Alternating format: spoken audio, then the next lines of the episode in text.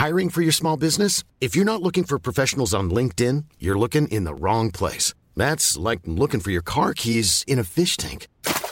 LinkedIn helps you hire professionals you can't find anywhere else, even those who aren't actively searching for a new job but might be open to the perfect role. In a given month, over 70% of LinkedIn users don't even visit other leading job sites. So start looking in the right place. With LinkedIn, you can hire professionals like a professional. Post your free job on linkedin.com slash people today.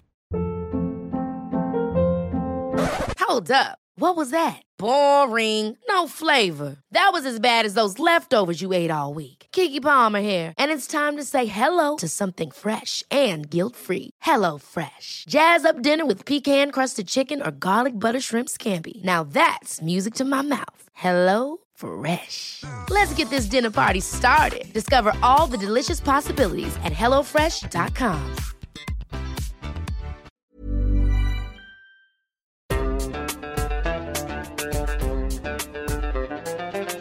بودكاست صوت.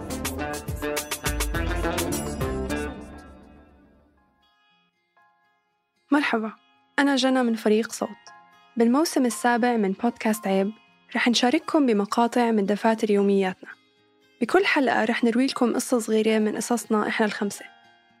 إحنا مختلفين كتير وما بيجمعنا إلا تفصيل صغير. إنه كل الوقت في حدا تاني عم يقولنا مين إحنا وكيف لازم نكون. رح أترككم مع هبة.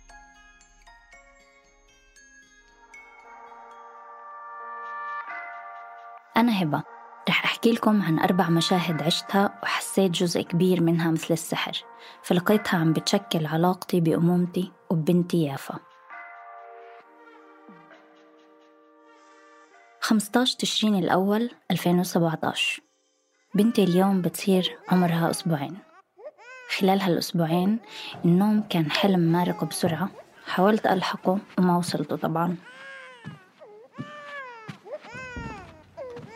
بالأيام اللي راحت حسيت إنه إحنا الأمهات فجأة منصير أمهات من غير ما حدا يعلمنا كيف شو يعني تكوني أم كأنه الأمومة هي امتحان التجربة ولا شيء آخر طيب شو أعمل؟ شو بدها؟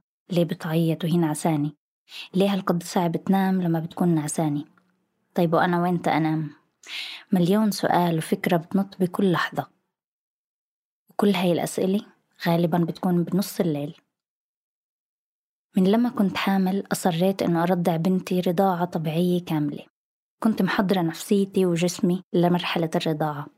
قرأت كل إشي ممكن توقع عليه عيني وشفت عشرات الفيديوهات الإرشادية عن الرضاعة قبل ما تيجي يافا تحضيرا لهالمرحلة. أجت يافا فجر 29 أيلول 2017 وفعلا رضعتها من أول لحظة.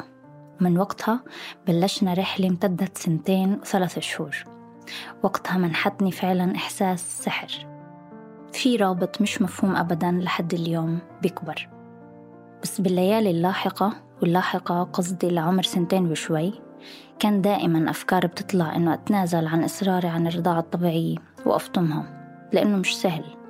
مش سهل أصحى 23 مرة بليلة واحدة مش سهل التعلق لهاي الدرجة. يعني لدرجة إنه لو تبعد عني لحظة تصير تعيط. مش سهل قد هاي المرحلة بتتطلب مني أقرر شو ألبس حسب لو كان مناسب للرضاعة أو لا. بقدر أرضعها بأي مكان أو لا. مع الحرمان من النوم كنت أضعف وأزعل وأتعب وأحلف بالليل إني رح أفطمها ثاني يوم. بس يجي الليل وأحطها بحضني عشان ترضع وتنام أنسى التعب وأعبطها وأرضعها بيتبخر يمين الفطام. كثير غريب هذا التسامح اللي بتعلمنا إياه الأمومة وهو مش بس متعلق بالاعتماد علينا لأنه كمان الإرضاع بالقنينة هو اعتماد علينا. كثير غريبة كل هاي التناقضات اللي بتطلع فينا أقصى درجات الحب بعز لحظات التعب. كائن صغير بشقلب حياتنا. بتساءل دايما مش المفروض الأمور الغريزية مثل الرضاعة تكون سهلة وسلسة؟ وأصلا الأمومة مش هي كمان غريزة؟ أو مش عارفة بس بطلع على حالي وبقول ما حدا علمنا كيف نكون أمهات أو أي أم نكون. الكل بيعطينا نصائح وكثار من اللي حوالينا وبيحكوا لنا كثير كثير نظريات عن كل إشي. بس مش عن كيف نخاف ونحب ونقلق ونضعف وننهار ونرجع نقوم. وما حدا حكى لنا قد صعب تكون أم. قد صعب يكون في كائن معتمد عليك بكل إشي. وبلحظة بتحسي إنك بطلة وبثانية بتنهاري من التعب أو القلق أو الخوف. اكتشفت بأول أيام مع بنتي يافا إنه الخوف أقوى إحساس كان تجاهها. الخوف عليها. خايفة حدا يلمسها خايفة تكون مش مرتاحة. خايفة الهواء اللي يجي على راسها الصغير يبردها. خايفة عليها مني إني ما أقدر أكون أم منيحة أو أقصر بأي إشي. بهديك الأيام حسيت قوة الخوف لما يحركنا. بس خفت أحكي إنه أول إحساس بأمومتي كان الخوف. لا شك إنه بتغير مع الوقت وبيختلف شكله وحدته بس كان هو الأقوى لما كانت يافا قطعة لحم صغيرة ملتصقة بصدري.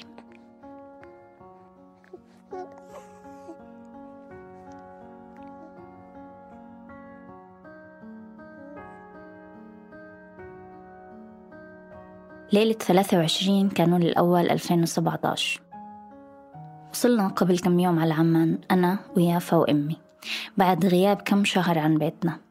يافا انولدت بفلسطين وأبوها كان بعيد عنا آلاف الكيلومترات بوقت ولادتها قصرا.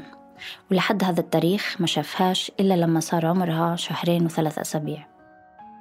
بتذكر كيف كانت ولادة يافا سريعة وسهلة ميسرة كيف منقول مع كل الخوف والرهبة لهاي اللحظة مرقت بكل سلاسة وهدوء. يافا قررت تيجي فجأة بنص سهرة صيفية مع أهلي. وخلال ثلاث ساعات كانت بحضني. أنا مقتنعة إنه هاي الولادة السهلة والسريعة كانت تعويض عن غياب عبد الله جوزي بوقتها لآخر لحظة قبل الولادة ما كنتش جاهزة إني أولد بدون ما يكون معي. بس هيك صار وأجت يافا بعيدة عن أبوها. ما كانش سهل عليه على عبد الله ولا علي طبعا إنه تنولد يافا ونعيش أول أيام بحياتنا وهو يشوفها ويسمع صوتها بس بالتليفون.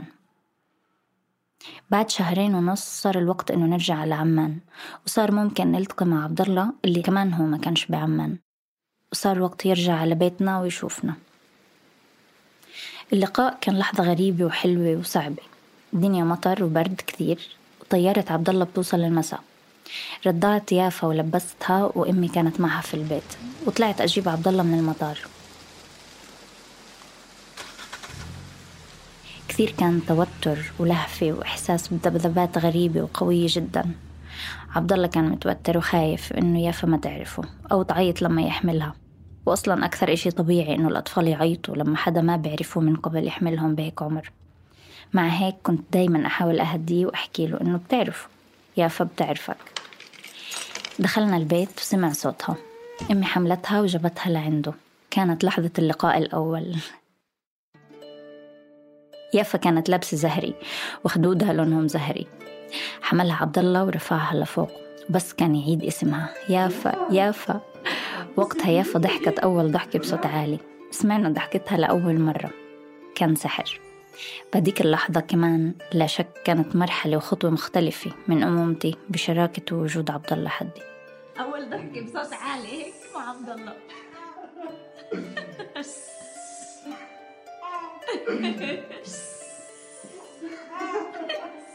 هو اليوم تضحكي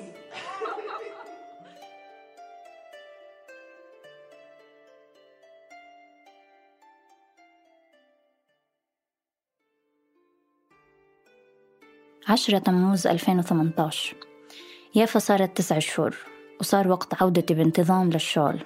صار وقت أبعد عن يافا بعد ما كانت لتسع شهور ملتصقة فيي فعليا. بحكم شغلي بمجال التحرير وإصدار الكتب بمركز أبحاث بتطلب مني جهد كثير كبير وتركيز كثير كبير خلال ساعات النهار. وبقية اليوم بستمر التعب وتفاصيل الاهتمام بطفلي ومهمات بيتية أخرى. مرق أسبوع قاتل قبل أول يوم بالحضانة. بنامش بالليل وأنا بفكر بكل الأفكار السلبية اللي ممكن تخطر عبالي شو ممكن يصير وهي بالحضانة؟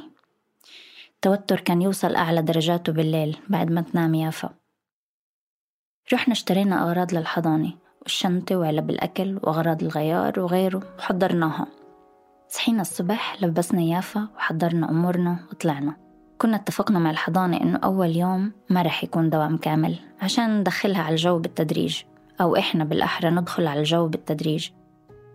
دخلنا يافا وضلت معها شوي وطلعت.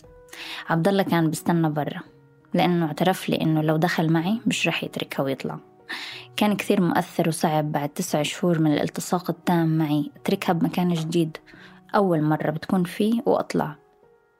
دخلت يافا على الغرفة اللي كان فيها أطفال ثانيين والمربيات. ضليت شوي معها بالغرفة وعبد الله كل شوي يرن لي يسألني عنها. بعد تقريبا نص ساعة صار لازم أترك يافا وأطلع. حكت لي المديرة مديرة الحضانة إنه ما أقلق. وإنه يافا رح تكون منيحة وإنه كله تمام. بس كل هاللطف والطمأنة ما كانش يقدر يهدي قلبي بصراحة. قررنا ما نروح على البيت ما كنتش حاسة بقدر أروح على البيت وأتركها. قعدنا بالسيارة عند الحضانة. بعد شوي حسينا إنه مش حلو نقعد هون. صرنا نلف بالسيارة بمنطقة الحضانة وكل الوقت نطلع على اتجاه المبنى عشان ما يغيب عن عيوننا. وطبعا كل الوقت كنت أعيط. وقلبي زي النار. بعد كم لفة حوالين المبنى قررنا نروح على مكان قريب نشرب إشي. بعد ما تجاوزت إحساس الانتظار والقلق ولا قدرت أحس إنه عادي أروح أتمشى أو أعمل مشوار أو أكون بأي مكان وهي بعيدة عني لأول مرة. دخلنا مقهى وقعدنا. ما حكينا إشي. ضلينا مشدودين ونستنى كأنه عنا امتحان. حاولت أمسك حالي وما أتصل كل شوي على الحضانة. مع إني بعترف إنه أول فترة كنت أجننهم بالاتصال. كل نص ساعة أتصل. أكلت سكتت نامت صحيت غيرتولها كل شي تمام. تجربة إني أكون امرأة عاملة وأم بتضطر تترك بنتها عشان الشغل بتخليني بكثير لحظات أوقف وأسأل حالي عن كل الوقت اللي بيروح وما بيكون في حد بنتي. برجع وقتها أسأل حالي عن كل فكرة العمل بدوام كامل والأمومة بهاي اللحظات بتخليني أرجع أتساءل حتى عن أشياء بتبين بالحياة إنها عادية وطبيعية. بس الأمومة بترجع بتحط الأسئلة بمكانها.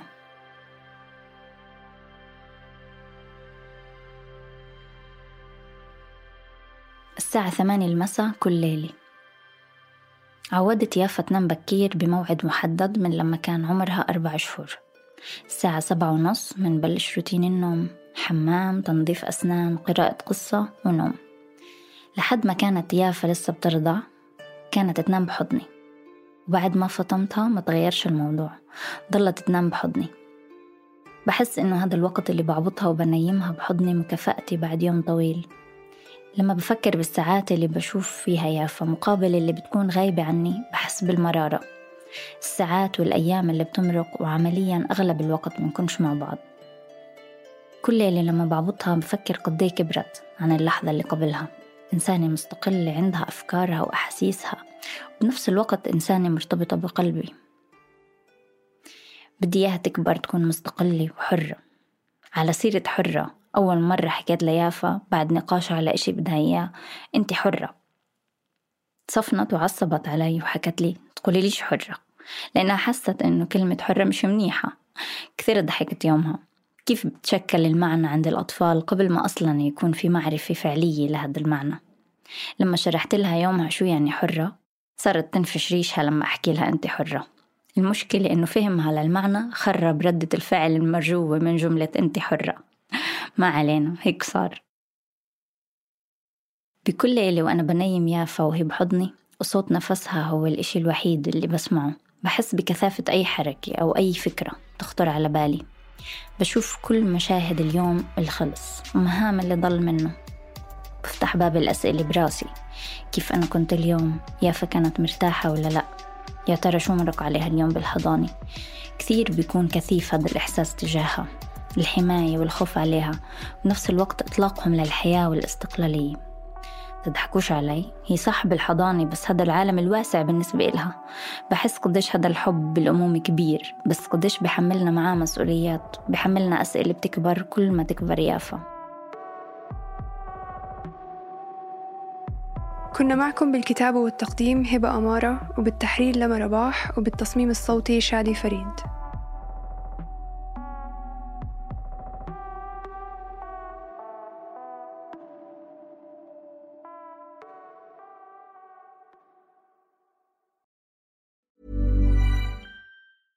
Planning for your next trip? Elevate your travel style with Quince. Quince has all the jet setting essentials you'll want for your next getaway, like European linen, premium luggage options, buttery soft Italian leather bags, and so much more. And is all priced at 50 to 80% less than similar brands. Plus, Quince only works with factories that use safe and ethical manufacturing practices. Pack your bags with high-quality essentials you'll be wearing for vacations to come with Quince. Go to quince.com slash pack for free shipping and 365-day returns. Want to get a chiseled look in the jawline? Sculpt and shape your jawline with added volume from Juvederm Volux XC. Juvederm Volux XC is an injectable gel specifically designed to be robust enough to improve moderate to severe loss of jawline definition. And it is the first and only hyaluronic acid filler approved for the jawline. Add volume to your jawline for a chiseled look with Juvederm Volux XC. For important safety information and to find a licensed specialist, visit juvederm.com. That's J U V E D E R M.com. Not for people with severe allergic reactions, allergies to lidocaine, or the proteins used in Juvederm. Common side effects include injection site redness, swelling, pain, tenderness, firmness, lumps, bumps, bruising, discoloration, or itching. There's a risk of unintentional injection into a blood vessel, which can cause vision abnormalities, blindness, stroke, temporary scabs, or scarring. Talk to a licensed specialist to find out if it's right for you. Visit juvederm.com. That's J U V E D E R M.com.